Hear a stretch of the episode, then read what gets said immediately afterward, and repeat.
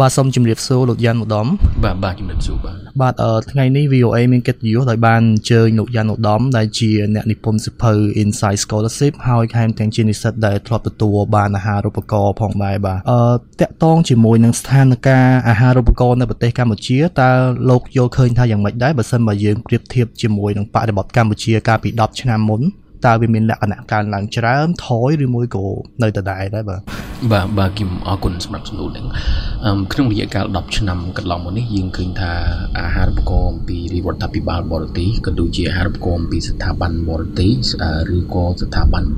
អាជីវកម្មរបស់បរទេសមួយចំនួន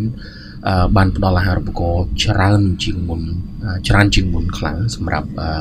ប្រជាជនកម្ពុជាជាពិសេសគឺសិស្សសានុសិស្សនិងនិស្សិតដែលទើបបញ្ចប់ការសិក្សា យើងឃើញថាមានចំនួនច្រើនគួរឲ្យគាត់សម្គាល់ក្នុងរយៈកាល10ឆ្នាំចុងក្រោយនេះបាទហើយជាពិសេសក្នុងរយៈពេល3 4ឆ្នាំចុងក្រោយនេះយើងឃើញថាសន្ទុះចំនួននឹងគឺច្រើនមែនទែនរហូតដល់កម្មវិធីអាហារូបករណ៍មួយចំនួនទៀតគឺរើសនិស្សិតមិនបានទៅគ្រប់ចំនួនគោលដៅដែលគេចង់បានក្នុងមួយឆ្នាំព្រោះជាទូទៅគេមានកូតារបស់គេកំណត់ថាក្នុងមួយឆ្នាំគេជ្រើសរើសយកចំនួនប៉ុណ្ណេះអ្នកជាឧទាហរណ៍ថាអាហារូបករណ៍ទៅប្រទេសអូស្ត្រាលីអូស្ត្រាលី Award Scholarship យើងយើងឃើញថាគោលដៅនៃការជ្រើសរើសសិស្សនិស្សិតនឹងគឺអឺមានចំនួន50នាក់ក្នុងមួយឆ្នាំក៏ប៉ុន្តែនៅក្នុងឆ្នាំនេះគឺរើសបានមិនដល់50នាក់ទេ តកតងជាមួយការដាក់អាហារូបករណ៍ហ្នឹងយើងសង្កេតឃើញថាវានៅ មានជាបញ្ហាប្រឈមចំពោះសិស្សមួយចំនួនដោយសារគាត់តែងតែធ្វើការបោះបង់ចោលនៅពាក់កណ្ដាលផ្លូវតើចំពោះបញ្ហាហ្នឹងលោកយល់ឃើញថាយ៉ាងម៉េចដែរហើយលោកអាចមានជាលក្ខណៈដំបូងមានយ៉ាងម៉េចដែរចំពោះបញ្ហាហ្នឹងដែរបាទអរគុណអឺខ្ញុំខ្ញុំយល់ថាវាជាដំណើរការធម្មតាសម្រាប់សិស្សនិស្សិតក៏ដូចជាអ្នកដែលបញ្ចប់ការសិក្សានឹងគាត់ចង់ដាក់ បួកអាហារូបករណ៍បន្តទៅទៀតបន្តអំពីបញ្ចប់ការបញ្ចប់ការសិក្សាឬក៏នៅក្នុងកំឡុងពេលការសិក្សាក៏ប៉ុន្តែនៅពេលដែលយើងដាក់អាហារូបករណ៍បងប្អូនឬក៏ប្រិមិត្តដែលកំពុងតែតាមដានស្ដាប់នេះគួរយល់ថានៅពេលដែលយើងដាក់អាហារូបករណ៍យើងមានជំរឿនពីររួចជាស្រាប់ទៅហើយនៅខាងមុខទី1វាអាចជាប់ទី2វាអាចធ្លាក់អញ្ចឹងបើយើងធ្លាក់ វាមិនមិនមិនមានអ្វីគួរឲ្យភ្ញាក់ផ្អើលនឹងទេយើងត្រូវដឹងថាបែបហ្នឹងអញ្ចឹងប្រសិនបើយើងធ្លាក់យើងត្រូវរៀនអំពីចំណុចខ្វះខាតរបស់យើងត្រឡប់មកវិញថាតើមូលហេតុអីបានយើងធ្លាក់អញ្ចឹងអញ្ចឹងយើងយើងអាចសុំ feedback អំពីគណៈកម្មការអាហារូបករណ៍ឬក៏យើងអាចសុំ feedback អំពីអ្នកដែលគេជាប់មុនមុនហ្នឹងពីព្រោះគេដឹងអំពីបច្ចេកទេសនិងតាក់ទិចច្រើនយើងយកមកធ្វើការប្រៀបធៀបជាមួយនឹង application ជាមួយនឹងពាក្យបែបបទរបស់យើងទៅយើងនឹងឃើញអំពីចំណុចខ្វះខាតរបស់ខ្លួនហើយយើងធ្វើការបន្តការដាក់ទៅឆ្នាំខាងមុខខាងមុខទៀតខ្ញុំសូមជម្រាបជូនដែរថា មានសិស្សមួយចំនួនធ្លាក់រហូតដល់ទៅ5ឆ្នាំជាប់គ្នានៅក្នុងការដាក់អាហារូបករណ៍ full price ជាដើមឬក៏អាហារូបករណ៍ទៅប្រទេសអូស្ត្រាលីនិងទៅអង់គ្លេសជាដើមអញ្ចឹងគាត់ធ្លាក់រហូតដល់ទៅ5ឆ្នាំឆ្នាំចុងក្រោយបានគាត់អាចទទួលបានជោគជ័យអញ្ចឹងត្រឹមតែបងប្អូនដែលកំពុងតែស្ដាប់នេះមានការធ្លាក់ម្ដងពីរដងអញ្ចឹងយើងត្រូវរៀនកុំឲ្យការធ្លាក់ម្ដងរបស់យើងហើយយើងអត់បានរៀនអំពីបទពិសោធន៍នៃការមេរៀនសំខាន់សំខាន់គន្លឹះសំខាន់សំខាន់នៃការធ្លាក់របស់យើងដល់ពេលអញ្ចឹង application យើងលើកក្រោយក៏អត់ក៏ក៏វាវាទំនងជាធ្លាក់ដដែលលុះត្រាតែយើង រៀនអំពីចំណុចខ្វះខាតរបស់យើងហើយយើងធ្វើការកែតម្រូវវាដូច្នេះការដាក់ពាក្យរបស់យើងលើក្រោយនេះយើងមានឱកាសបន្ថែមទៀតបាទសារជាប់ជាមួយនឹងគោលបំណងដែលគណៈកម្មការគាត់ធ្វើការរើសបេក្ខជនហ្នឹងតើលោកគិតថាអ្វីដែលជាលក្ខណៈសម្បត្តិទូទៅដែលអ្នកដែលផ្ដល់ឲ្យអាហារូបករណ៍ហ្នឹងគាត់តែងតែរកមើលបាទចំពោះអ្នកដែលដាក់ហ្នឹងខ្ញុំអាចជូនជាសេណារីយ៉ូខ្ញុំអាចជូនជាចំណុចខ្លះខ្លះថាចំណុចជាជាធម្មតាកម្មវិធីអាហារូបករណ៍ផ្សេងផ្សេងហ្នឹងជាទូទៅគាត់ស្វែងរកបុគ្គលទី1អ្នកដែលមានបញ្ចប់ ឬក៏កំពុងតែសិក្សាបើសិនជាយើងទៅកម្មវិធីផ្លាស់ប្ដូរនិស្សិតយើងអ្នកដែលកំពុងតែសិក្សាឬក៏អ្នកដែលមានកម្រិតបរិញ្ញាបត្រឬក៏អនុបណ្ឌិតបើសិនបើយើងដាក់ជក់ដាក់ដាក់បួកសម្រាប់ថ្នាក់អនុបណ្ឌិតឬក៏ថ្នាក់បណ្ឌិតនឹងទី1គឺយើងត្រូវតែមានប្រតិបត្តិពិន្ទុឬក៏ការសិក្សានឹងឲ្យបានល្អសមរម្យមិនទាបពេកទេបាទនឹងជាចំណុចទី1ចំណុចទី2ដែលបងប្អូនដែលកំពុងតែស្ដាប់នឹងគួរត្រៀមដែលនឹងគឺយើងគួរត្រៀមចំណេះដឹងខាងផ្នែកភាសាយើងឲ្យបានស្ទាត់ជំនាញពីព្រោះការទៅរៀននៅបរទេសនេះគេមិនរៀនជាភាសាខ្មែរទេបាទគេរៀនជាភាសាអង់គ្លេសជាភាសាចិន ជាភាសាបារាំងឬក៏ជាភាសាជប៉ុនអានឹងបើទៅតាមបណ្ដាប្រទេសខុសៗគ្នាបាទមិនដែលនិយាយជារួមយើងត្រូវមានចំណេះដឹងខាងផ្នែកភាសានឹងឲ្យស្ទាត់ជំនាញទៅលើភាសាដែលខ្លួនឯងចង់រៀនថាយើងចង់យកជំនាញឬក៏ degree ផ្នែកអី ហើយភាសាអីដែលគេប្រើជាមួយនឹងជំនាញរបស់យើងនឹងនឹងជាចំណុចទី2ដែលត្រូវតែត្រៀមហើយចំណុចទី3ដែលត្រូវតែត្រៀមនឹងគឺបទពិសោធន៍ការងារនៅក្នុងសង្គមបើទោះបីជាការងារនឹងគឺជាកិច្ចការងារស្ម័គ្រចិត្តការងារ intern ហាត់ការឬក៏ជាការងារដែលប្រកបទៅដោយវិជ្ជាជីវៈមានន័យថាយើងធ្វើការ professional work ហ្នឹងបើយើងត្រូវយើងត្រូវត្រៀមមិននឹងឲ្យបានបទពិសោធន៍2ឆ្នាំឡើងទៅអានឹងយើងយើងយើងយើងអាចបំពេញលក្ខខណ្ឌសម្រាប់កម្មវិធីហាត់ប្រកួតជាច្រើននឹងជាចំណុចទី3ហើយចំណុចទី4ដែលកម្មវិធីហាត់ប្រកួតផ្សេងផ្សេងតែងតែសម្លឹងមើលនឹងគឺបុគ្គលដែលមានកាយសម្បទាពលគឺសុខភាពល្អទាំងសុខភាពផ្លូវកាយសុខភាពផ្លូវចិត្តជាដើមហ្នឹងសុខភាពនេះសំខាន់ណាស់បើទោះបីជាយើងរៀនចេះប៉ុណ្ណាក៏ដោយក៏ប៉ុន្តែបើយើងបាត់បង់កាយសម្បទានៅក្នុងលក្ខខណ្ឌណាមួយយើងក៏មិនអាច ប្រើប្រាស់ចំណេះដឹងរបស់យើងឬក៏អាចទៅរៀនបានដែរជាទូទៅនៅពេលដែលយើងឈ្នះអាហារូបករណ៍មុនទៅប្រទេសគេនឹងគេតម្រូវឲ្យយើងធ្វើការពិនិត្យសុខភាពយ៉ាងលម្អិតលម្អន់ទៅតាមលក្ខខណ្ឌសាកលវិទ្យាល័យឬក៏លក្ខខណ្ឌរបស់ស្ថានទូតមួយមួយអញ្ចឹងគេតម្រូវឲ្យយើង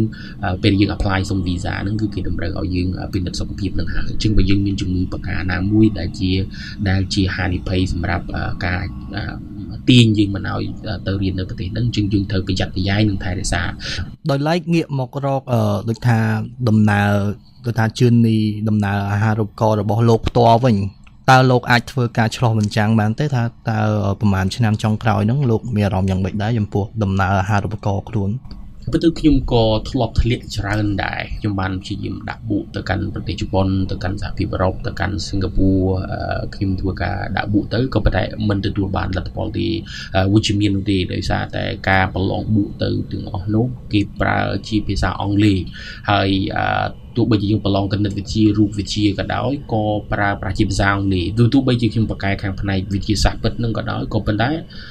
ឃើញថាខ្ញុំនៅតែមិនទទួលបានជោគជ័យដោយសារការប្រឡងជាភាសាអង់គ្លេសខ្ញុំមិនយល់ថាគេការនឹងតេស្តនឹងគេធ្វើបែបម៉េចគេសរសេរបែបម៉េចគឺចំណេះដឹងភាសាអង់គ្លេសរបស់ខ្ញុំនៅមានកម្រិតមែនទែនបាទខ្ញុំធ្លាក់ច្រើនដងរហូតដល់ពេលហ្នឹងខ្ញុំសម្រេចចិត្តរៀនអាហារូបករណ៍នៅប្រទេសខ្មែរនៅសាកលវិទ្យាល័យមួយនៅក្នុងប្រទេសខ្មែរនៅសាកលវិទ្យាល័យបញ្ញសកម្មជានៅក្នុងឆ្នាំទី2ខ្ញុំរៀនបាន2ឆ្នាំឆ្នាំទី2ហើយឆ្នាំទី3ខ្ញុំជាប់បួកទៅកាន់ប្រទេសកូរ៉េហើយពេលខ្ញុំត្រឡប់ពីប្រទេសកូរ៉េវិញខ្ញុំជាប់បួកទៅកាន់សហរដ្ឋអាមេរិកក្នុងកម្មវិធីផ្លាស់ប្ដូរសិស្សានុសិស្សសិស្សសិស្សនិស្សិតទៀតនៅពេលដែលខ្ញុំត្រឡប់មកវិញបានខ្ញុំចាប់ផ្ដើមធ្វើចប់ហើយខ្ញុំចាប់ផ្ដើមធ្វើការក្នុងរយៈពេល2ឆ្នាំនៅក្នុងរយៈពេល2ឆ្នាំកន្លងមកនេះខ្ញុំក៏បានព្យាយាមដាក់ហាត់ប្រកបមួយចំនួនដែរឧទាហរណ៍ដូចជាខ្ញុំដាក់អាហារូបករណ៍ Civil Society Leadership Award Chevening Scholarship Award